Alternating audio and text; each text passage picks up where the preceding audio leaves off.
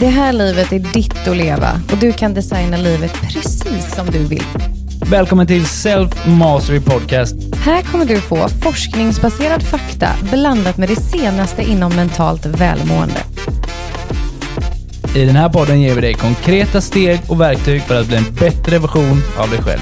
Så höj upp volymen. Vi hoppas att du ska känna dig motiverad, inspirerad och utmanad. Let's go!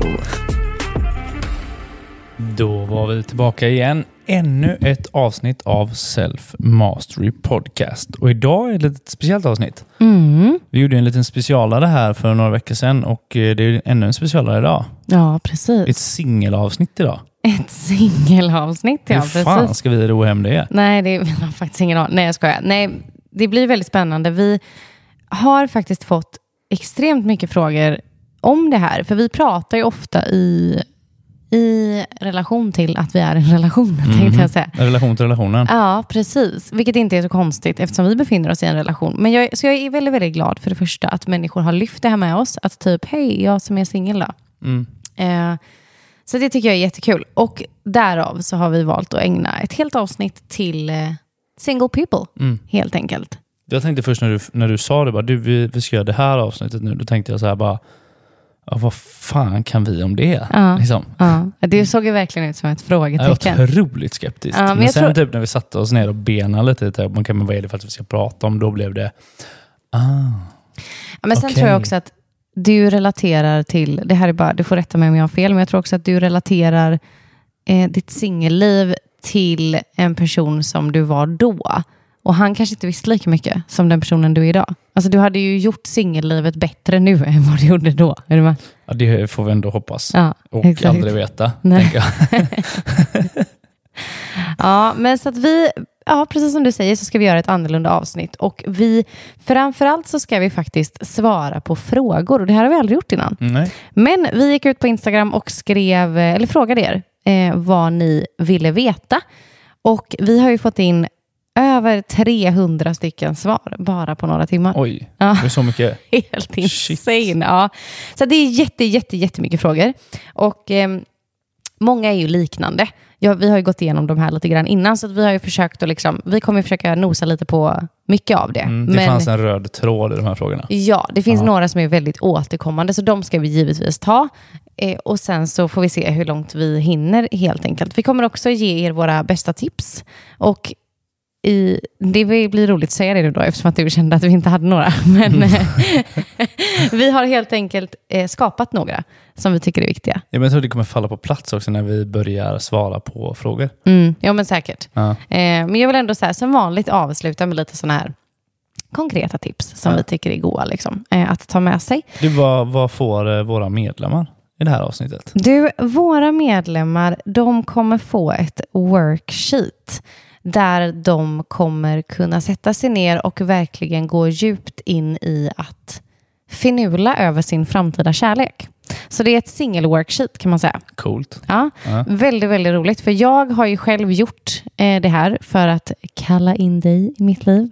Och jag har också eh, gjort en hel del av det här med mina klienter som är singlar Mm. och med mina vänner. Så att, eh, det ska bli jättekul att få lämna över det till våra medlemmar i Self Mastery Club.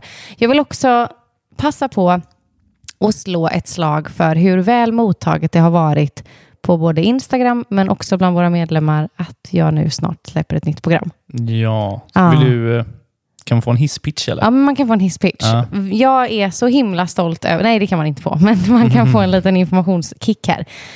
Jag har så länge jobbat med och kämpat med ett program som riktar sig till den kvinnliga psyken och att leva i synk med den, både när det kommer till mindset, träning, kost, allt möjligt. Så jag är så taggad på det här programmet och vi lanserar det snart. Men jag ville verkligen bara först och främst säga tack för det fina, fina, fina mottagandet.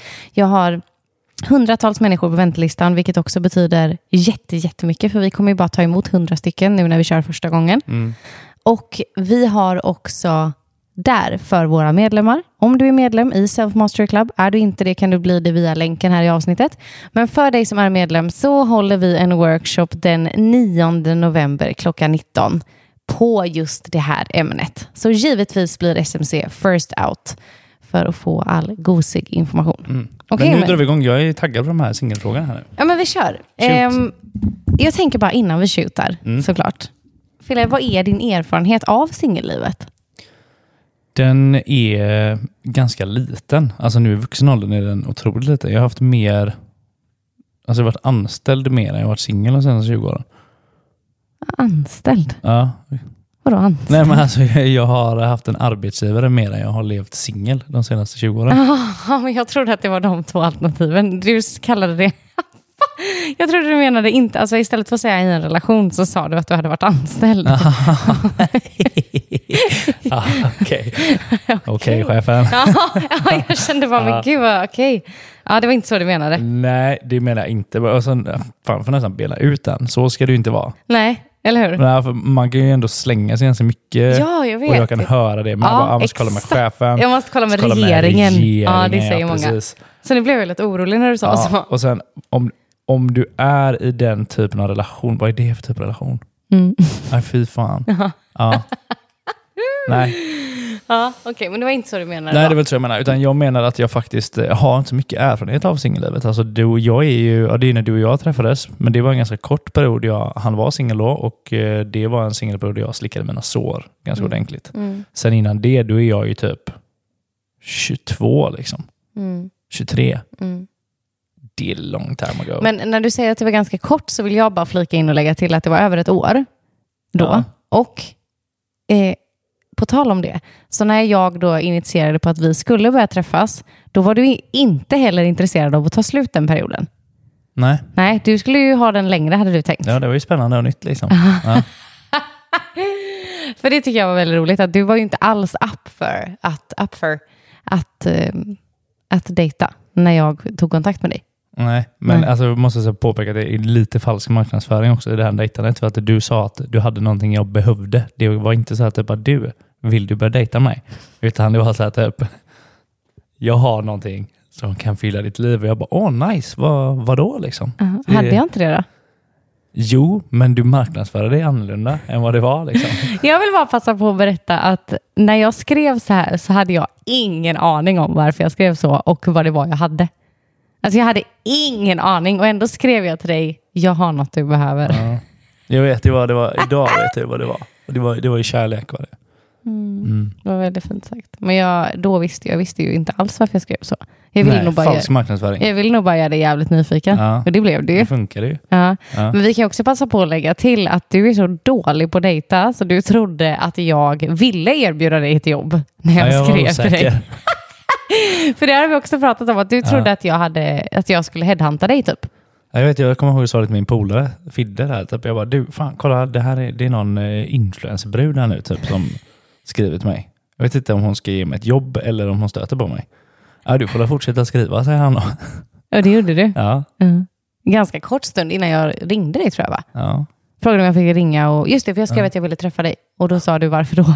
Men du, hur tar man modet till sig som singel att göra vad du gjorde? Typ att reach out till en stranger, som du bara, för du hade fått höra någonting gott om mig. Liksom, att vi två skulle vara match hade du fått höra. Mm. Vad krävdes för att du skulle göra den lilla moven? Liksom? Men jag är ju också jävligt tydlig när jag vet vad jag vill. Det här tror jag är en personlighetsgrej. Ja, men jag kan skriva under på det. Ja. Ja. På gott och ont kanske. It's a blessing and a curse. Men i det här läget så var det ju en blessing.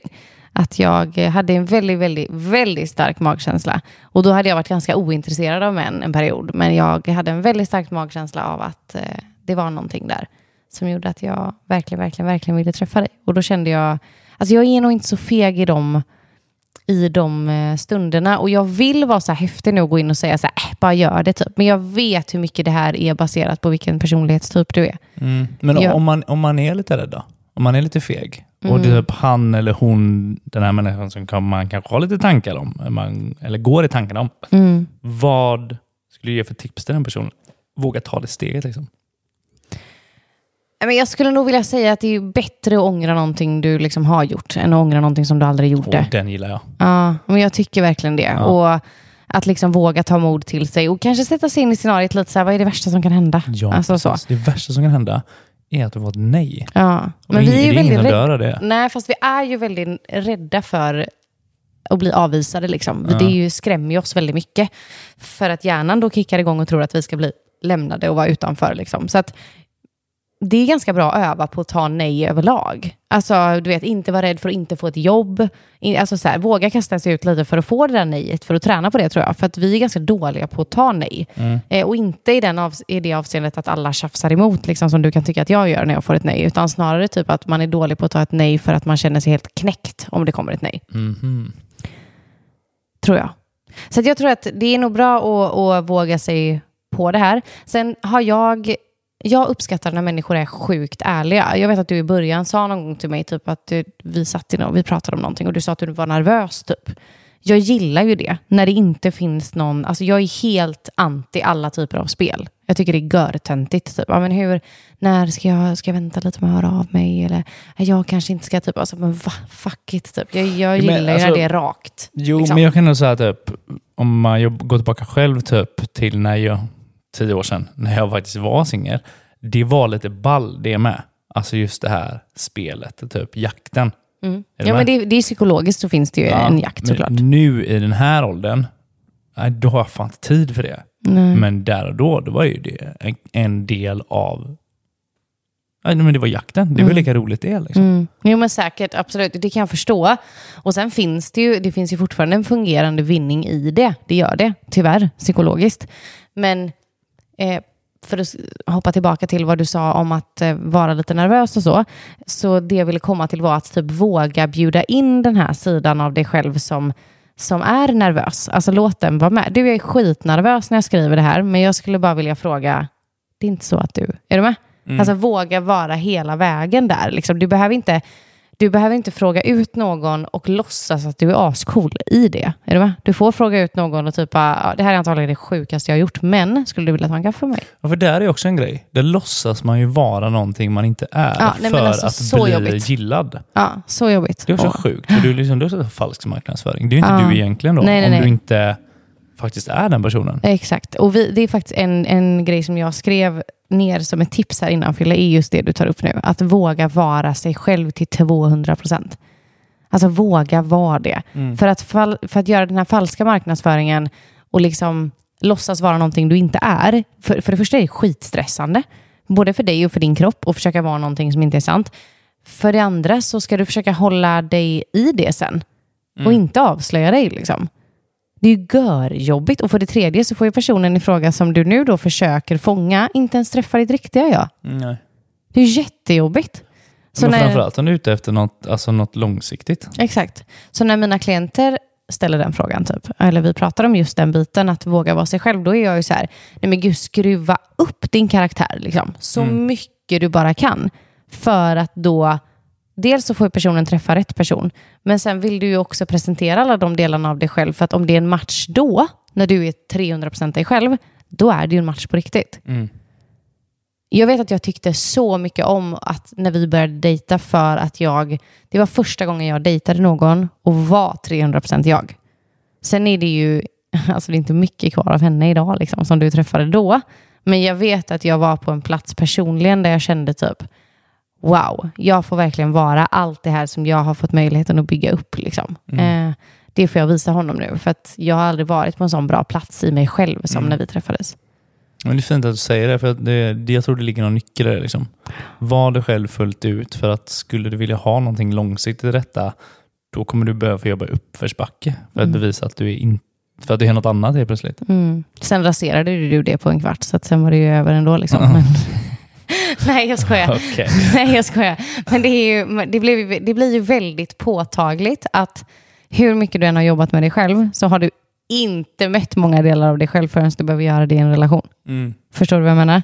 Alltså jag, kände mig fram någonting av det som du a annars. rock när du kom. Då var det så här, ja, men kom, alltså jag, alltså jag har gjort så mycket personlig utveckling så att let's dig into it. Och sen så bara, ah, fick jag ju panik Ah. liksom.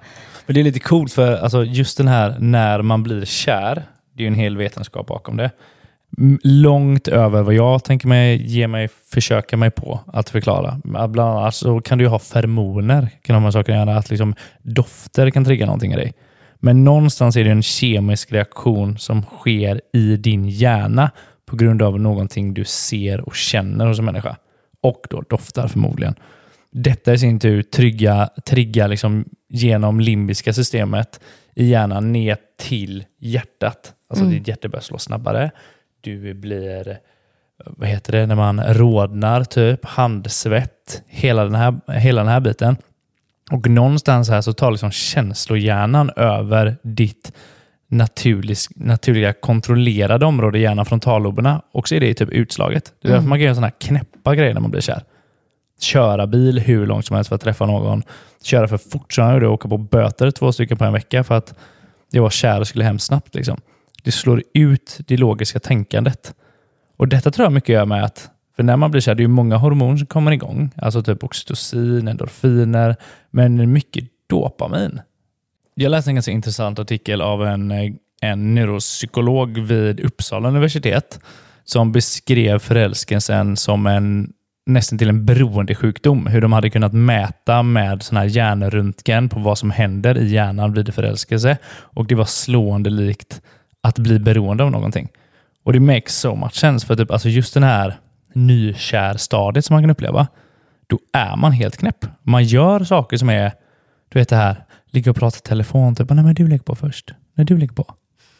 Man gör grejer som är så här typ out of character för att du är påtänd på den här människan. Liksom. Mm. Jag tycker hela den... Alltså, it makes sense när du berättar det och jag tror att alla har upplevt det någon gång. Det finns ju någonting som kallas för slow dating. Som, slow dating? Ja. Okej. Okay. Som är... Eh, det var det du och jag gjorde eller? Nej, Nej. absolut inte. Men, men det, det låter väldigt fint i alla fall. Sen tror jag det är otroligt svårt att göra detta, kanske då med tanke på vad du precis berättade om den kemiska processen, vilket gör att du blir lika mycket addicted som du blir till en drog, liksom, på riktigt. Men det handlar ju om att låta de här highsen av hormoner, oxytocin och dopamin, bland annat lägga sig ner i mellantiderna du till exempel pratar med den här personen eller träffar den här personen. För vanligt är ju att det håller i sig hela förälskelsefasen och gärna in i, det, i första delen av relationen också. Sen har det gått ett år och sen undrar man typ, vem fan är han? Alltså, för då börjar det lägga sig liksom. Mm -hmm. Så... 36 månader har jag hört. Ja, Tre år. Ja. Innan det, man går över till att alla de här hormonerna ska lägga sig helt och hållet. Mm -hmm. Nykärfasen, men den kan inte vara så länge. Den måste vara kortare. Ja, det känns så va? Eh, I alla fall. eh, nej, jag skojar. Men, nej, men eh, spännande i alla fall. Eh, googla på det. Slow dating. Väldigt, väldigt fint koncept i alla fall. Att man då helt enkelt ska låta det gå x antal tid mellan de gångerna man interagerar med den här nya personen för att faktiskt kunna landa och helt ärligt vara i sin logiska del av hjärnan lite grann. Och inte bara vara helt hög och ta beslut utefter att man är på, så pass påverkad av de här mm. hormonerna. Så frontalloben får komma in och vara med igen. Liksom. Ja, Ta rationella, får... logiska beslut ja, och inte en... bara vara nykärs, påtänd och, och askåt. Liksom. Ja, ja, exakt, 100 procent. Ja, ja, alla dagar veckan. Mm. Verkligen. Men du, jag tänker att jag dyker in lite i de här Instagram-frågorna. Mm. Kör. Som har kommit. Och eh, jag tänker läsa upp människors eh, förnamn, tänker jag, men inte eh, deras Instagram-namn såklart. Mm. Men Malva skriver så här. Benämn gärna skammen i att vilja vara singel. Att man är sämre för att man inte är i en relation. Och det här har kommit in säkert tio frågor och eh, lyft om detta. Liksom. Och Jag tycker det är så bra att människor lyfter det. För fy fan vad jag fick höra det när jag var singel. Nej men vad synd. Vad synd att du är singel. Du som är så fin. Det ska väl inte du behöva vara? Alltså, varför är det en grej? Kan vi snälla normalisera att människor kanske inte ens vill leva i en relation? Eller? Ja.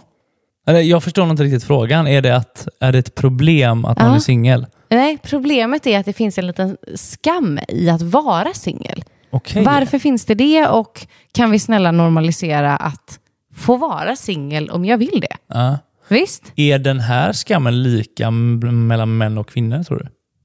Oj, bra fråga. För jag har aldrig kollat på någon av mina polare och tänkt bara stackars jävel, fan är du singel? Vad gör du med ditt liv? Alltså kille som tjej. Nu kollar jag faktiskt ner här lite i telefonen och Instagram-frågorna, men det är faktiskt både killar och tjejer som har lyft det. Men jag tror att det handlar om vårt samhälle. Jag tror att det är lite, lite tabu, både, båda könen. Liksom. För att vi lever ju i ett samhälle där man ska, ska, inom situationstecken, leva i en relation. Och så ska man ha vovve och villa och Volvo. Och, alltså, är du med? Ja, men är inte den lite jävla uråldrig eller? Jag tror den är det för oss, men jag tror inte den är det överlag. Det är samma sak som att vi tycker att jantelagen är liksom lika alltså, gammal som när Moses gick i gottbyxor. Typ. Men den är ju inte det, för den finns ju här fortfarande. Inte ska väl du? Vem tror du att du är? Det är samma sak. Jo, men jag menar alltså typ hur, när människor skaffar barn. Mm. Det har ju också krypit upp i åldrarna. Alltså Mm. Förr var det ju mycket tidigare än vad snittet är idag. Mm. Men det är fortfarande någonting, barn är också någonting du ifrågasätter. Alltså jag har en tjejkompis som absolut inte vill ha barn. Och hon är superclear i det. Liksom. Men hon får ju ändå alltid massa mothugg. Varför vill du inte det? Ja, varför vill du inte ha katt? Alltså, Ja. ja. Har du hört hur mycket den låten är? Eller? Nej, men jag tror att det är... Jag vill i alla fall bara... Vi ska gå vidare, men jag vill i alla fall bara slå ett slag för att det är så viktigt att låta människor välja själva. Mm. Eh, Sen finns det också människor som väljer att inte leva i en tvåsamhet, utan de vill kanske leva i öppna relationer och så vidare. Det är också lite tabubelagt i vårt land. Att man typ så, va? Har ni en öppen relation? Är ni helt sjuka i huvudet? Mm. Alltså, vad fan? Låt människor göra vad de vill, eller? Ja. Ja, men var, fan var singel. Ja. Lev singel. Ja. Äg det liksom. Exakt. Ja, ja verkligen. Skit i vad någon annan tycker. Det är ju vad du tycker själv. Är det ett problem för dig, absolut gör något åt det. Men för att någon annan skulle tycka det är ett problem. Och så länge Skit det är ett val i lust, alltså så här, jag vill vara singel för att jag mår bra av det. Det är skillnad när man går i, jag är singel för att jag vågar inte. Mm. Eller jag är singel för att jag, jag vill gärna leva i en tvåsamhet, men jag vågar inte bli bränd igen, till exempel. Mhm. Då vill man ju gärna dyka mer in i, i att jobba med det så att du får uppnå dina drömmar. Mhm. Inte gå och välja på rädsla. Liksom. Nej. Okej, men vi tar eh, nästa fråga då. Filip undrar, hur hittar man kärleken till sig själv? Den här frågan har också återkommit väldigt mycket, där folk också belyser att det måste väl någonstans börja med relationen till dig, eller? Jag vill skriva under på den. Ja. Det är, så, det är ett tips som vi har tagit med här också. Typ. Lä, alltså, jobba på relationen till dig själv innan du går ut och börjar jobba på relationen till någon annan. Mm. För att om du kan lära dig att sätta och se ditt eget värde, då kommer kravet på en människa stiga. Det kommer bli mycket alltså, enklare och mer specifikt att kunna välja ut en annan människa Mm. när du får sätta ditt eget värde och du inte söker ditt eget värde i någon annan. Om du förstår vad jag menar. Väldigt fint sagt. Utan liksom, om du kan ha en fin relation till dig själv, finna någon form av kärlek här, kunna älska dig själv, för jag vet att det är många som har svårt med det här, jag inkluderat för. Det förändrar allt Mm. när du har en kärlek till dig själv. Mm. Älska dig själv först innan du ska älska någon annan. Mm. Du kommer behöva lära dig så mycket om dig själv i den här processen att, att älska dig själv. Som du, alltså din fördel om du kan lista ut det här innan Mm. du ska bli älskad av någon annan. Mm. Så om jag känner mig helt grön i, i den här frågan, liksom, hur börjar jag jobba på kärleken till mig själv, Fille? Genom små enkla knep. Du och jag har ju brutit ner det till hur jag talar till mig själv, hur jag ser på mig själv, hur jag behandlar mig själv och förtroendet jag har till mig själv. Det finns små enkla verktyg du kan använda här. Liksom, var observant på hur du talar till dig själv, för det är en sak som jag vet att många gör. Alltså slår du i tån när du går förbi ett bord, låter du aj din jävla klant, då talar du inte till dig själv på ett bra sätt. Mm. Missar du bussen eller kommer sent till jobbet, hur låter den här inre rösten då utan att föda någon form av schizofreni, men alla har en inre röst. Hur låter den rösten? För det är hur du talar till dig själv. Mm. Genom sådana små enkla grejer. Liksom. Välkommen till Self Mastery Club Precis. som medlem. Ja.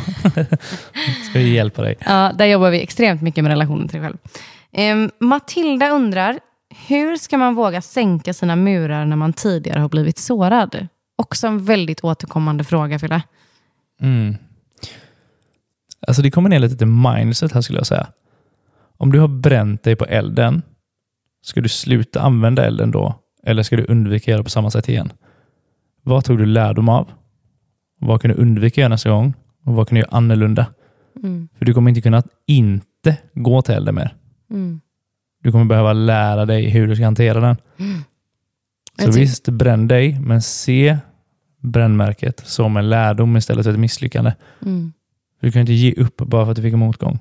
Och nu, förlåt om jag trampar någon på fötterna när jag generaliserar, jag fick det låta enkelt, men Men ta lärdom av vad du precis har gått igenom Mm. och gör inte samma misstag. Mm. Gör inte samma fel, för då är det ett misstag. Om du Mm. upprepar ett beteende som du inte trivs med. Mm.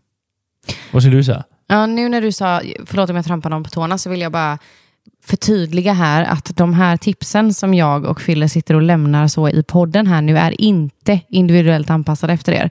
Så vi har ingen aning om vad ni egentligen har gått igenom och hur bränd du blev eller hur sårad du blev. Så det kanske är så att du behöver hjälp för att få individuellt anpassade möjligheter till att ta dig vidare härifrån. Jag vill bara så förtydliga det här nu.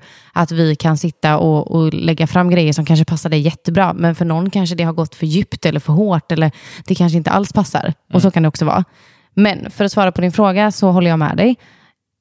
Det är så himla många som kommer till oss och vill lösa sina problem utan att ta tag i problemet. Ja. Ja. Så de kommer till oss och så säger de liknelse igen. Nu, du tog elden, vi säger vi kan ta vatten också. Eh, jag är rädd för vatten. Ja, kan vi lösa det? Ja, men jag vill inte ta i vattnet.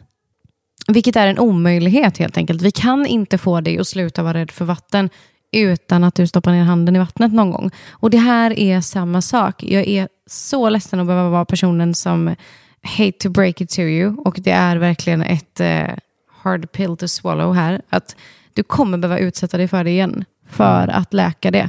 För att förstå, för att få motsatsen bevisad. Så det handlar egentligen om att hitta någon där du vågar lägga ditt hjärta för att läka det såret. Jag vet att vi har pratat om eh, min svartsjuka tidigare som kommer ifrån vuxen ålder att ha varit med om en jobbig otrohetsaffär.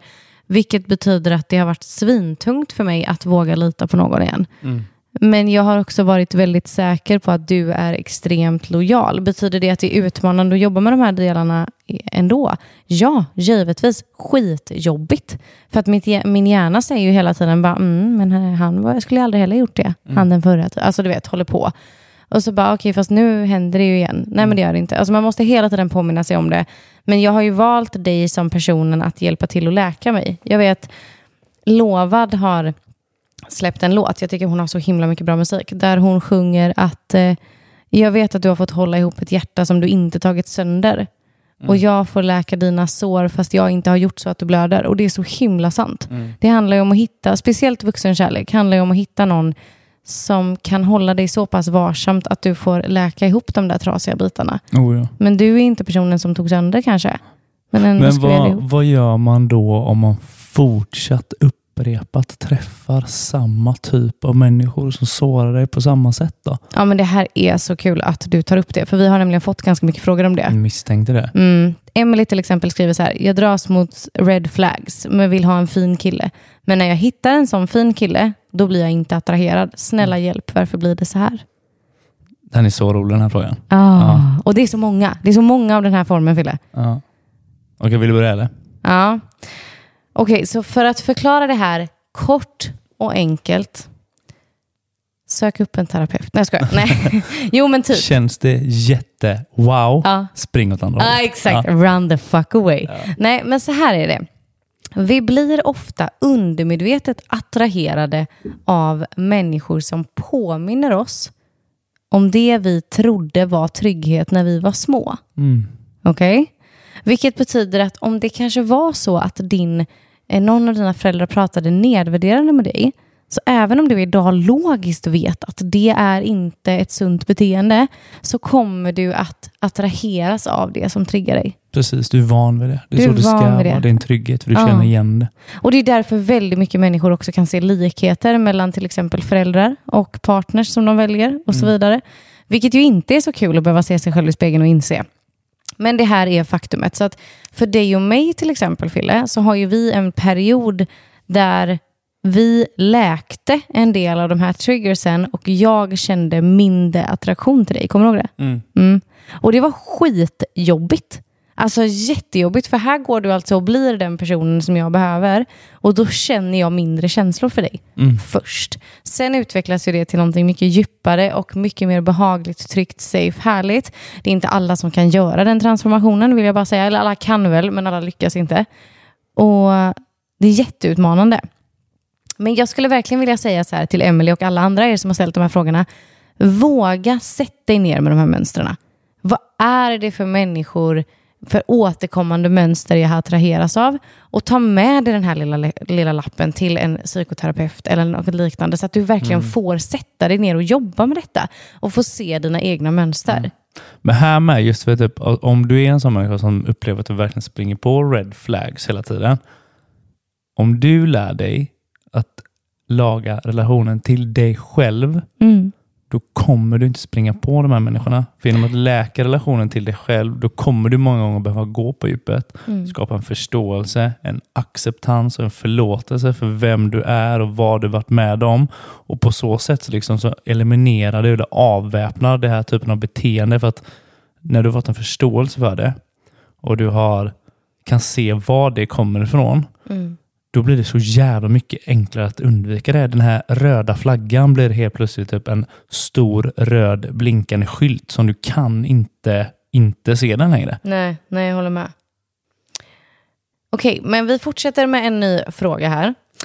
Också återkommande tema, Mm. men jag väljer att plocka just Saras fråga. Sara har skrivit med stora bokstäver, hur träffar man någon som är vettig?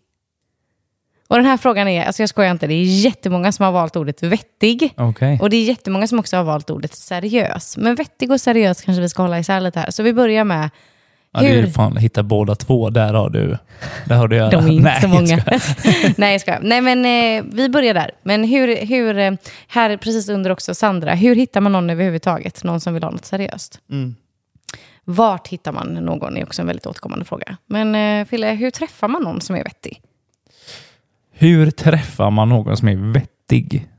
Vad är vettig? Bra där. Snyggt. Vad, vad, är, vad är det? Liksom? Under vilken kategori är den här människan? Vilka beteenden har den? Hur beter den sig? Vad gör den? Vad tycker den om? Mm. Inte vad heter den och hur den ser ut, utan vad är det för typ av människa som är vettig? Mm. Är en vettig människa du själv? Vad har du för beteenden? Mm. Ja, vad hade man precis. letat efter dig om det var dig man var ute efter? Om jag var en nyckel, vart hade jag legat? Typ en sån lät det gjorde nu. Men, nej, men jag håller med. Och typ lite så här, du vet när du ska köpa hus, då är du så jävla specifik. Det ska vara så här många kvadrat och det ska ligga där och det ska vara detta och detta och detta och detta. Nu menar jag inte att man ska vara så specifik, men ändå åt det hållet. Typ. Du kan inte bara säga att du vill ha hus. Är du med? Mm. Ja, men det är som att säga så här, men var hittar man ett hus med tak? Mhm. Ja, du får nog vara lite mer specifik än så. Våga vara specifik. Eh, men var det inte, precis som du säger, fylla på längd och hårfärg. Liksom. Utan gå mer då på vad vill jag att den här personen ska känna? Mm. Vad har den här personen för egenskaper? Och så vidare. Mm. Så våga liksom, eh, våga. Men går vi in på frågan var, för det är ju också en återkommande fråga, var hittar man någon? Det är ju en väldigt spännande fråga i dagens digitaliserade samhälle. Ska Ja, vi krypa det- ner i det här kaninhålet, tycker du? Alltså, du eller jag har inte så mycket erfarenhet av den digitala datingvärlden. Nej, alltså jag har aldrig haft Tinder. Nej. Har du det? Ja. Ohohoho. Nu kör vi. Ja, ja, Ja. Inte så pass mycket att jag kan ge en recension eller någonting. Aha, okej. eh, men om vi tar bort det då Mm. och vi pratar om erfarenhet som vi faktiskt har. Mm. Ja, då skulle jag säga så här. Alltså, om, om du skulle leta efter dig själv, vad skulle du leta då någonstans? Alltså om du vill träffa en människa med liknande intressen, hobbys eller värderingar, var finns du då? Mm. Är du med? Mm. Om du bara är ute och ränner på krogen, Mm. då förmodligen det finns det en risk att du bara träffar människor som är ute och ränner på krogen. Mm. Däremot om du har ett intresse för svamp, äh, svampplockning var det sämsta exemplet någonsin. Men det var typ. lite gulligt ändå. Jo, men typ, vad är oddsen att du har samma kantarellställe som den här snubben? Liksom? Ja, har du det så Nej, ta men- honom. Ja, precis. Eller blir osams för att det är samma ställe. nej, nej, men alltså typ, har du hund, agility med hundar, liksom. Mm. du kommer förmodligen träffa en likasinnad person där. Mm. Är du med? Mm. Den likasinnade personen kommer du förmodligen inte träffa på krogen eller ute i svampskogen. Är Mm. du med? Så Mm. vad hade du letat efter dig själv? Mm. Så hade jag nog sagt. Jätte, jättefint. Och våga då eh, åka och leta lite på de här ställena själv. Mm. Men åk på en semester själv. Åk på ett retreat själv. Alltså våga vända dig, precis som du säger, till communities där det finns människor som är likasinnande. Men du behöver inte alltid åka med någon. Nej. Åk själv, för det är så himla fint att få connection med andra som Mm. man får när man åker själv. Verkligen. Och, och just det, när du är själv, liksom, då har du inga, inga du har inga filter. Det finns ingen att gömma sig bakom. Det Nej. finns ingen att putta fram först eller sitta och prata med för att vara i ett sammanhang, utan du måste flyga lite med egna vingar. Så jag tror det är jättenyttigt att göra så. Mm. Det tror jag också, verkligen. Och sen är det ju så här, vi har ju gjort ett avsnitt om dopamin och jag vill också bara nämna kort att de här datingapparna har ju verkligen en kran till dopaminutsöndringen Oh ja. på ett väldigt ohälsosamt sätt. Så att jag säger inte att det är negativt, för vi har ju några av våra bästa vänner har ju faktiskt träffats. Ja, På det finns jättefina historier därifrån. Det finns det verkligen. Eh, Men jag vill bara att man ska vara medveten om vad det är som händer Mm. när man sitter så. För att appen är utformad, den här just till exempel, det finns ju flera, men eh, som vilket gamingspel som helst för att du ska få snabb belöning. Och jag själv då som har jobbat för många år sedan som DJ har jag alltså stått ute på klubbarna och sett hur folk står mitt ute på dansgolvet och tindrar istället för att möta folk med blicken. Och det är inte hälsosamt. Så våga gå lite old school här och bjuda ut någon eller liksom befinna sig på ett ställe som du säger där man faktiskt kan stöta på någon i verkliga livet också. Även om du hänger lite på de här. Eller är det du och jag som är asgamla nu liksom, och inte hänger med i teknologin här? Nej, men jag tycker inte det. Jag ty- Nej. eller så kanske det är, men då får det vara så. Ja, vi Ja. hoppas inte det. Nej, men jag menar bara att det ska inte vara uteslutande enda stället du kan möjligtvis träffa någon på, för det är inte sant. Alltså, Vi träffades när alla de här digitaliseringarna fanns och det var fan ingen Tinder med. Liksom. Nej. Visst, nu, jag, jag valde att gå den enkla vägen genom att skriva till dig på Instagram. Ja, det gjorde jag. Istället för att typ så, vadå, skicka brev. Liksom. Men ändå, det går att träffas utan det. S- Även om det känns liksom hopplöst så behöver man inte söka där, utan man skulle kunna tillbringa tid på andra ställen. Jag tyckte det var väldigt finurligt när du sa leta där du hade varit. Ja, men det är ju ändå våra tips. Liksom. Mm. Ja. Mm.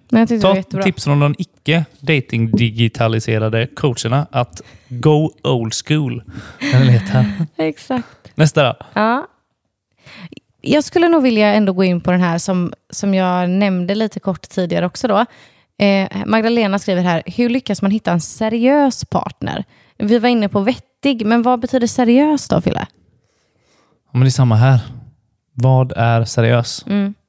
Det, jag tycker den här är skitsvår. Alltså jag tänker utgå från att seriös betyder att man vill ha någonting långvarigt. Mm. Eller? Jag tror med det, att det är liksom inte bara eh, att man ses for pleasure, utan Ja. att man vill faktiskt satsa på det här. Liksom. Ja. Och det kan du inte få reda på om du inte ses i början. Är du med? Nej. Det, det måste ju börja någonstans. Men du kan inte gå in med tanken att jag vill ha seriöst så kanske det är fel person. Nej, Du måste lära känna personen först. Alltså om du ska gå och köpa en ny bil då, och den kostar väldigt mycket pengar, då vill du nog provköra den först så du vet vad det är för bil du har. Eller i alla fall gå in och Vad är kolla. provköra? Exakt. Provköra en bil. Aha. En provköra en bil är man hoppar in i bilen och så lägger man i eh, Ja, men, drive okej, och så kör men man i backar, kollar. datingstadiet då? Vad är provköra då? Ja, men kolla liksom, vad har du för värderingar? Typ, vad gillar du att göra? Är du into personlig utveckling, spiritualitet? Liksom, vem är människan? Mm. Alltså jag tror... jag, jag tycker det är så viktigt här. Mm. Jag såg vad du är ute efter nu. Din lille jävel. Nej, men jag kommer att dit hålla med. isär fysisk närhet och kärlek. Mm. För att kärlek och sex är inte samma sak. Nej. Men det är väldigt lätt att blanda ihop de här känslorna, om man säger så. Mm. Så att provköra bilen för mig, det är inte att ha ett samlag för att prova om Ja. att det är en bra bil du har köpt, utan då skulle jag prova den andra sidan. Alltså kärleken utan sexet. Vad är det? För det är det du kan bygga på. Sex kan alltid bli bättre. Mm. Det kan bli sämre också för den delen. Men vem människan är vad värderingen är och den typen här på den andra sidan, den är liksom beständig. Den kommer du behöva jobba med. Du vet att jag tror att jag hade varit fruktansvärd på en dejt nu. Alltså från att jag typ så träffade dig och bara så här typ, "Ah, vad gillar du för mat? Och typ bara, "Hmm, var har du varit och rest någonstans? Nu du vet, jag hade satt mig ner och bara, hur är din uppväxt? Vad är dina anknytningsmönster? Vad är dina triggers? Vad är dina försvarsmekanismer? Boom, boom, boom, boom. Alltså bara, du vet, bring it all up. Alltså jag hade skrämt iväg vem som helst. Lätt. Ja, det hade ju typ knappt kommit ut från verkstaden med den här bilen. De hade vänt bara. Du Nej men seriöst, alltså jag hade Ja. ju lätt gått på de frågorna nu. För att om, om personen i fråga hade sagt så här, typ, vadå anknytningsmönster? Eller typ bara, vadå triggers? Då hade jag bara, bye bye. Ja. Jo, men eh, jo. Jag kommer skicka över tre bra böcker. Ha det gött, hej! Ja. Ja, men det, och där framför allt om det är någon som är into personlig utveckling.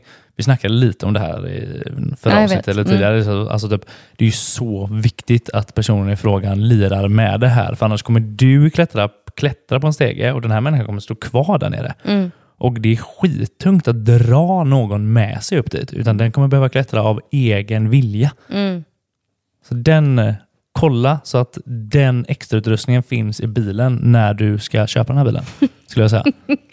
Ja, jag håller med dig. Och på tal om att jag höll på att jävlas lite med dig nu då när du sa provköra bilen så har vi också fått frågor, flera stycken, om hur tidigt får man egentligen ha sex när man dejtar seriöst? Och då är frågan alltså ställd utifrån att jag är ute efter något långsiktigt. När får man ha sex? Men jag vet inte riktigt vad står i den här frågan. Vad, vad fint att vi hittade en sån fråga. Ja. Hur? Utveckla. Och Du behöver inte ha Nej, men liksom alltså, ett jag tycker, alltså, får ni feeling, kör. Mm. Eh, Ja, för vi väntade ju jättelänge med jo, men också typ så här, varför, eller typ, jag, som jag sa innan, jag tycker det är skitviktigt att du får lära känna personen och känslan i personen och inte blandar ihop det med sexuell njutning. För det är två olika saker. Mm. Är du med? Mm. Bör du då vänta? Ja, egentligen då, för att stödja min teori, så kanske du bör vänta. Men å andra sidan, what's the harm? Mm. Vad tycker du? Alltså för mig är det ju en eh, helig akt, höll jag på att säga. Alltså jag, jag tycker, det här är min personliga åsikt, jag tycker inte att jag är inte en person som skulle kunna dela en sån grej med vem som helst. Mm. Men jag har ingenting emot mina nära vänner som tycker att det är for pleasure och for fun. Liksom. Jag har nästan varit i, eller jag har varit i perioder i livet där jag har önskat att jag skulle känna så. Men jag gör inte det. Så att för mig är det så här, nej, det, det ska verkligen vara specialties. Liksom. Och det har inte på något sätt att göra med att jag tycker att man är liksom på något sätt enkel om man har det lätt eller du vet vad det nu kan vara. Utan Men det är jag tror att den här frågan helt kopplat till kemi. Ja, men jag tror att den här frågan kan ställas för att om det är en räv i hönshuset, är du med? Nej, förklara. Menar, om man är då verkligen vill leta efter någonting seriöst och det finns en räv i hönshuset som bara är där for the pleasure, Ja, är du med? ja. Då kanske det bör, bör finnas någon sån här typ rimlig regel hur länge du ska vänta. Så, t- så tror jag att den här frågan kan vara Mm, jag fattar, jag fattar. Men jag tror, att, jag tror också att det är viktigt att bestämma sig för, återigen, så här, vad, vad betyder en sån här akt för mig? Mm. Vad betyder det för mig? Alltså som, som jag, alltså, nu ska jag vara super, super ärlig. Jag har försökt att göra det that way och det slutade bara med att jag liksom fick avbryta mitt i och bara grät. Alltså det går inte. Och då tror jag att det är viktigt att gå in i så här, vad betyder det för mig? Är det någonting jag kan göra for pleasure? Eller är det någonting som är viktigt, alltså som är liksom eh, någonting som jag bara, bara håller för vissa, vissa, vissa få personer. Så att du står tydligt i det själv först. Innan du bara går ut och gör som du tror att du bör göra. Liksom. Eh, där du känner typ att Nej, men jag vill faktiskt ha lite kul utan att det finns några liksom, boundaries här. Då får du göra det. Ja, men jag vill absolut inte göra det här eh, nu när vi precis har träffats. Då ska du inte göra det. Alltså leta igen efter din intuition och magkänsla. Mm. Hur träffar man någon ny efter en separation med barn? Undrar Sigrid. Ja, har du något knep där, älskling? Alltså egentligen skulle jag vilja säga så här, man gör väl som man gör utan barn till att börja med. Eh, man dejtar såklart, men med givetvis andra premisser. För att du behöver ju ganska så snabbt, om du är ute efter något seriöst, göra väldigt tydligt att det inte bara är du, utan comes with a package deal. Liksom. Eh, du kanske också ska ha gjort klart för dig själv innan. Jag var väldigt tydlig med att jag inte ville ha fler barn, vilket betydde att det hade varit eh, av värde och veta vart du stod i det. Alltså nu visste jag att du hade två barn så jag kunde ju räkna ut att du kanske inte heller var så sugen på fler. Men hade du inte haft barn till exempel, då behöver jag ju liksom också, innan jag kanske dejtar, verkligen fundera på, kan jag tänka mig fler eller inte? För att människor, det är oftast en fråga människor har, liksom, vill jag ha fler barn eller inte? Sen är min personliga åsikt att du dejtar innan dina barn gör det. Men å andra sidan så hade jag träffat en ny tjejkompis till exempel, då håller jag ju inte henne borta från barnen. Eller hur? Ja, Men det beror på vad personen är när den kommer in, Ja. kan jag tycka. ja. Nej, men jag menar bara att jag har ju jättemycket killkompisar till exempel, som mina barn har umgåtts jättemycket med under perioden när jag var singel. Och hade du då varit så att du kom in i mitt liv, nu träffade du inte barnen direkt, men hade du då kommit in eh, så hade ju inte de fattat att det var konstigt om vi umgicks, för att de, de, det hade varit en, som vilken killkompis som helst. Är du med? Jo, men jag kan tänka också så här, typ, om man är då låt oss säga nu en, en, en kvinna har gått isär, har en, en son Mm. på fem år, där pappan har varit frånvarande väldigt mycket och inte liksom tagit den här fadersfigurrollen som han ska göra. Mm. Det kommer in en ny man som kvinnan träffar. Sonen identifierar sig ganska snabbt med honom för att det är en fadersfigur som finns där, en stöttepelare, någon han kan se upp till, som försvinner efter sex månader och det kommer in Mm, en ny. nej. På det sättet tror jag att det kan vara ganska skadligt. Ja, absolut. Så att där, även om, även om det är bara en kompis som kommer in, Mm. som försvinner, för en kompis kommer ofta inte in och försvinner, utan den kanske träffas lite mer längre mellan gångerna. Mm, Medan en kärlekspartner, den är gone när den är gone. Mm. Då finns den inte kvar. Mm. Och för ett barn då som har börjat liksom ty sig till den här människan, då tror jag det kan bli en negativ effekt av det. Mm. Så där proceed with caution, alltså så man som kvinna, skitsamma. Mm. Jag vet att jag hade som krav innan, eh, när jag gick så här, var att jag skulle absolut inte under några omständigheter träffa en kvinna som inte hade barn. Mm. För jag ville inte ha mer barn. Så jag är med dig helt och hållet på vad du säger där. Mm. Ja, men och vi var ju ganska tydliga med det, liksom, att, vi skulle, att vi skulle träffas länge utan dem Mm. och, och liksom, eh, våga göra det. Sen gick ju det också vägen eftersom vi har föräldrar på varsitt håll, höll jag på att säga. Men alltså, mina barn har ju en pappa och dina barn har en mamma som är närvarande. Det hade ju varit svårt om de inte hade det. Mm. Eh, mycket svårare att, att få möjligheten att ses, liksom, om man är själv. Såklart. Men det är min personliga åsikt. Sen tänker jag här igen, så här, ni känner era barn bäst. Vi gjorde också så, när vi umgicks, minns jag, med barnen första gångerna, då var ju vi ett stort gäng nere vid stranden, typ. Flera föräldrar och barn. Vilket också gjorde att det inte blev en sån himla superseriös grej. Liksom. Ja, precis. Det, det här är din nya bonusmamma. Det var inte så. Verkligen utan inte. Det var Jason och Ulins mamma som Ja. var med. Ja. Och så började man i smått så. Liksom. Precis, men och det har ju för oss, nu är våra barn i samma åldrar, vilket har varit väldigt underlättande, för de har ju valt det här hela tiden lite steget före oss typ. Och det har ju varit väldigt behagligt. De har ju hittat varandra på ett väldigt fint sätt, så att vi har kunnat så bara, åh, pappa och Nathalie gillar också varandra. Alltså, typ. Ja. Och det är inte alltid man får det så upplagt Nej. som vi har haft det. Men jag tycker ändå, liksom, dina barn går ju alltid, alltid, alltid först. Så här igen, så här, du känner dig och dina barn och gå på magkänslan. Mm. Men, men absolut våga göra det. Sen trodde vi länge att vi skulle ha en relation utan att pussla ihop familjerna boendemässigt. Det tycker jag inte heller man ska vara helt negativ för. För att det är, bara för att du träffar någon ny, om du har gått igenom en separation med barn, så betyder det inte att man måste bo ihop. Också en grej som är så här, att våga neutralisera att man får faktiskt vara särbos Mm. nu för tiden. För människor som vill det. Ja, ja, 100 procent. Ja. Men jag tittar du på mig och jag- tänker så här, varför sa du inte det? Ja, precis. att man fick vara särbos? Ja, säger du nu? Nej, jag skojar. Nej, men jag skulle säga, börja utan att involvera barnen. Mm. Börja med att lära känna personen, provkör bilen, sen introducera det. Mm. Okej, Jonna undrar, hur slutar man stressa över att aldrig hitta någon? Det här är också en Hitta- ja, men vanlig vem är- återkommande ja, men så fråga. Jag har sagt vem är någon? Vad är dina kriterier? Alltså hur vet du att du har hittat honom, om man säger så? Mm. För det kommer du aldrig veta om du liksom inte så här, typ, bestämt att han ska uppfylla de här kriterierna.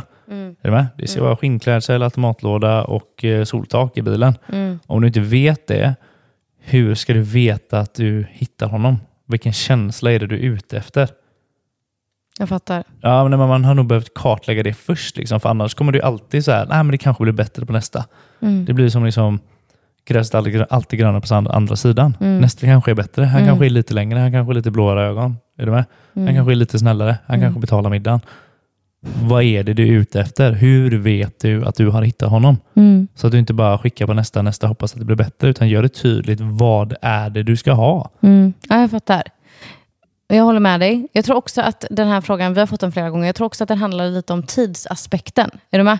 När jag blir stressad över att jag inte hittar rätt. Liksom. Jo, men det är det här jag menar. Vad är rätt? Hur ska du veta? Alltså, tro fan att du blir stressad när du inte vet vad du letar efter. Ja. Det är skitjobbigt. Mm. Jo, men jag tänker så här, det kanske inte är så jävla lätt att hitta rätt heller. Och om man nu inte gör det, kan det inte vara så att man blir stressad över att det bara inte funkar? Förstår du? Mindsetmässigt, liksom att man känner så här bara, vad fan, jag kommer aldrig träffa någon. Alltså jag kommer aldrig hitta rätt. Och nu blir jag, jag vill ha barn och jag vill ha familj och tiden går. Och, tror du inte det? Att det kan vara en sån grej liksom. Jo, såklart det kan vara, men jag är fortfarande står nog fast i mitt svar här. Alltså. Du kom, alltså jag fattar att det blir stressigt om du inte hittar rätt, men hur vet du att du inte har hittat rätt? Är du med? Vad är det du väntar på? Vad är det han ska tillföra? Vad är det han ska få dig att känna? Mm. För att du ska veta att han är rätt. Mm. Eller hon för den delen. Mm. Liksom. Men Jag, jag håller verkligen med dig, det gör jag. Men om vi leker med tanken att jag har definierat precis vem det är jag vill hitta och vad jag liksom vill att eh, han ska få mig att känna och hur han är och de här grejerna. Typ. Mm. Hur, hur, om jag ändå känner mig stressad, liksom, hur ska jag tänka då? Om jag känner mig stressad av att jag, jag har fan dejtat i tre, fyra år nu. Liksom. Ja, men vad, vad, vad är det han ska tillföra? Mm. Eller vad är det du behöver vänta på? Vad, det, vad behöver du ha honom till? Ja, skaffa barn, det förstår jag. Det, det fattar jag. Eller det går faktiskt att göra utan honom faktiskt. Men alltså, vad, vad, är det, vad är det som ska hända då? Mm. Det är som att du går och väntar på sen. Mitt liv ska börja när han är här. Kan inte ditt liv börja utan att han eller hon står bredvid din, bredvid din sida? Liksom? Mm. Vad hade hänt om du följde de här drömmarna, köpa hus, flytta någonstans, ut och resa, Mm. utan att den här Prince Charming är bredvid? Liksom? Mm. Så himla värt. Ja, men gå vidare med ditt liv utan den personen där. Ja. Vad hade hänt då? Ja, Du behöver inte vänta, du kan göra det nu. ja, Han kanske är på resan. ja. Du med? Nej, kanske så honom du köper huset av. Vem fan vet? Nej, svinbra Fille, jag håller med. Alltså våga lev ditt liv fullt ut nu. Gör det där som du skulle gjort då, Mm. nu. And watch your life transform. Liksom. Ja. Vänta inte. Vänta inte på honom. Okej, vi kör en sista fråga. All right. Mhm, Den här är så spännande och det har kommit in extremt många i det här temat. Kim frågar, jag kan inte sluta stalka mitt ex på sociala medier. Jag håller på att bli knäpp. Varför gör jag det och hur slutar jag? Och jag har ju fått den här frågan så många gånger. Så att jag tog ju mitt förnuft till fånga här nu och dök in i det här lite. Mhm. Är inte det spännande? Jo. Tror du att komma- alla har gjort det någon gång? Nej, det tror jag inte. Tror du inte? Nej, för jag tror inte alla har behovet av det. Tror du inte alla vill se? Nej, det, nej, jag tror inte alla vill se. Man kanske är väldigt glad att slippa någon. Man kanske måste, inom parentes, behöver bryta kontakten med någon. Men sen så tror jag det handlar om någon form av kick du får att gå dit Mm. och kolla det. Mm. Alltså någon form av att du jämför dig kanske. Mm. Eller något, det är ju något behov som tillgodoses Mm. av att du går in och kollar vad ditt ex gör. Jajamän. Och innan jag dyker in i vad den här briljanta psykologen har sagt, som jag har läst en intervju med, så vill jag bara fråga dig, Filip Wennersjö, har Ja. du gjort detta? Eh, stalkat mitt ex. Stalkat något ex, Nej. eller någon som du har dejtat någonsin? Inte så här typ efter man har gjort slut, men typ en lång tid efter så undrar vad den personen gör. Men inte så här typ när det varit färdigt att jag gått in och checkat. Inte typ så här, jag kan inte låta bli att titta. Nej. Är det sant? Ja. Okej. Så här då. Jag har hittat en intervju med en kvinna som heter Gabriella Pauli. Och hon är alltså psykolog och specialist på teknologiska beroenden. Hur spännande? Aha. Ja. Hon säger så här att det enklaste svaret är rakt ut och säga nyfikenhet. Vi är nyfikna. Eh, vi är nyfikna på vårt ex och vad de gör och vem de är med framför allt. Men hon förklarar också att via digitaliseringen som har skapats så kan vi, hjärnan kan alltså skapa en oäkta relation med den här personen. Alltså så otroligt intressant att få ett svar på detta. Oäkta relation så att du fortfarande är typ virtuellt Ja. med den här personen. Precis. Läskigt alltså. Läskigt, men för Ja. du har ju en vana av att umgås, vara med, höras av med den här personen. Och din hjärna kan inte riktigt hänga med på att det här är eh, med avstånd från ett håll. Förstår du vad jag menar? Utan du är fortfarande med i den personens liv. Mm. Ja. Ser vad den personen gör. Sen att du får då fejkade delar av bara det positiva, det står ju inte någonstans. Liksom. Men, men därför så, eftersom hjärnan har ett Fan vad mönster. gött den här människan var. Aha, Ja. men det ser ju alltid ut som att alla mår toppen. Ja. Eh, men eftersom att hjärnan då har ett mönster av att vara med den här personen så kan hjärnan helt enkelt fortsätta upprätthålla det i och med att vi har sociala medier. Hmm. Så det blir liksom som en fiktiv relation för din hjärna som den inte kan sluta med. Alltså det är lite som att säga typ att hade du haft möjligheten och helt utan att vara oberörd. Alltså ingen kommer få veta, men du kan ändå kika in rakt in i ditt ex köksfönster. Hade du kollat in ibland? Ja, såklart. Inte alla såklart, men förstår du vad jag menar? Och det här blir samma sak. Du kan alltså sitta i soffan och bara så här, dyka in och kolla vad du gör. Ja. Det är alltså för lättillgängligt Ja. för att kunna bryta det. Och du kan vara anonym när du gör det. Ah, ja. Nej Ja. men alltså de här fake-kontona är ju på en ny nivå alltså. Jag har aldrig haft ett fake-konto. Har du haft ett fake-konto? Nej. Men du vet ju knappt vad Instagram är kompis. Jag. Nej, tack, tacka fan för det. Nej jag skojar bara. Nej men det är klart att du inte har. Men, men det är ju jättevanligt med, med sånt här. Eh, Okej, jag har fått en väldigt gullig fråga om oss här faktiskt. Lite nyfiken bara. Träffades du och Fille innan starten av 66 days eller efter du hade gjort din egen förvandling? Den heter dig. Jag tänkte, vad vet du inte? Eller typ, vad... Jag vet. Vi träffades ju innan starten av programmet. Men hade jag påbörjat min personliga förvandling, ja, alla dagar i veckan. Och 66-dagarsprogrammet är ju också utformat efter min egen resa. Så den hade jag ju gjort och det skrevs ju a lot of self-journal när vi träffades redan. Men programmet skulle jag säga hade nog inte fötts om det inte vore för dig och hur mycket du trodde på mig. Exakt. Mm. Tack. Okej, absolut sista frågan. Här kommer den.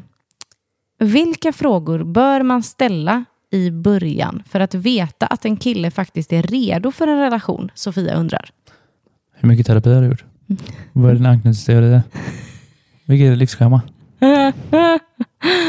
Exakt. Det är mycket deep work. Nej, skämt åsido.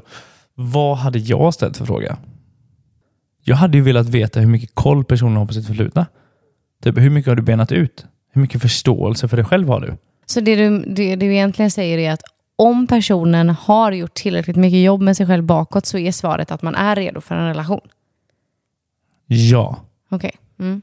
För att ju mer förståelse du har för dig själv, ju enklare kommer du kunna hantera när, inte om, utan när det går sideways med din partner.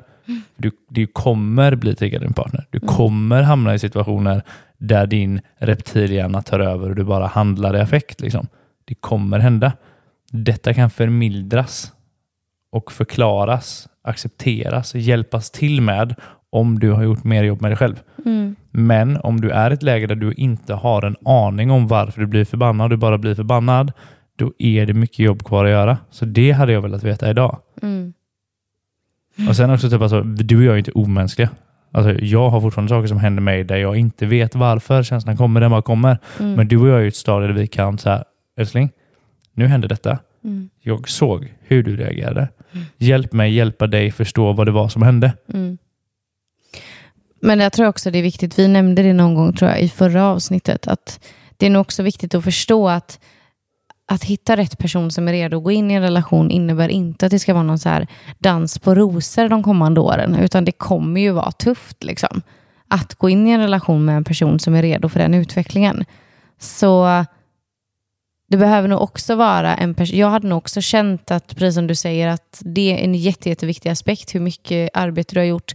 Men också en viktig aspekt, för att du ska vara redo för en relation så behöver det betyda att det måste finnas någon form av space i ditt liv för arbetet som kommer krävas.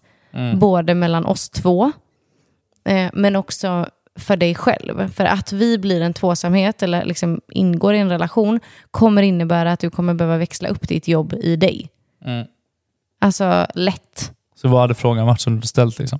Nej, men finns den tiden som en, som en relation kräver i en investering?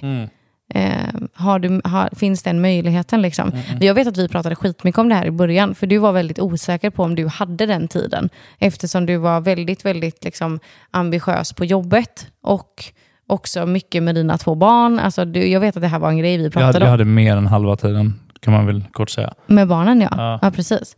Ja, men och jag, jag, jag vet att det var en grej vi pratade om. Där du var så här, jag vill, men jag behöver bara liksom reda ut att jag kan göra den här typen av investering. Ja.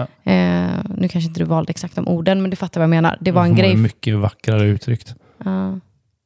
Ja, det kanske var något du skyllde på för att du var rädd. kommer jag aldrig erkänna i podd. Nej, okej. Nej. Men jag tror att det är viktigt att reda ut i alla fall. Har, du, liksom, eh, har du tiden för det här? För det kommer krävas tid. Liksom. Mm. Inte bara tid för typ så tända ljus och olja. Utan Nej. det kommer liksom behöva finnas tid för att typ sitta ner med sina jobbiga känslor också. Mhm. Fint. Kul att få eh, göra ett avsnitt till eh, alla singlarna. Ja, och Ja. kul att du avslutade med att göra ett liten bekännelse där om vår inledande relation. Det tyckte jag var fint. Tack älskling. Eller det gjorde du kanske inte? Nej. Nej.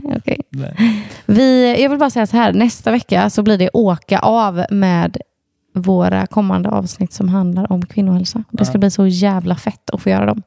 Tune in and turn it up, för Mm. det här är någonting eh, jag är väldigt stolt över dig, vad du har tagit fram. Jag vet hur hårt du har slitit för detta. Så det ska Mm. bli en ära och väldigt spännande att få lyssna på vad du har att säga nästa vecka. Håll i dig. Mm. Mm. Hej då! Hej då! Tack för att du har lyssnat på det här avsnittet. Den här podcasten är skapad endast för utbildande och underhållande syfte. Kunskapen vi som professionella coacher delar med oss av här i podden är inte individuellt anpassade för just dig. För råd anpassade just efter dig ber vi dig alltid vända dig till en professionell coach, psykoterapeut, psykolog eller annan kvalificerad yrkesperson. Vi är så tacksamma för att du som lyssnar hjälper oss att sprida podden genom att skicka den till dina vänner eller dela den i sociala medier. Vi hörs snart igen. Och du? Tack för att du aktivt väljer att bli en bättre version av dig själv.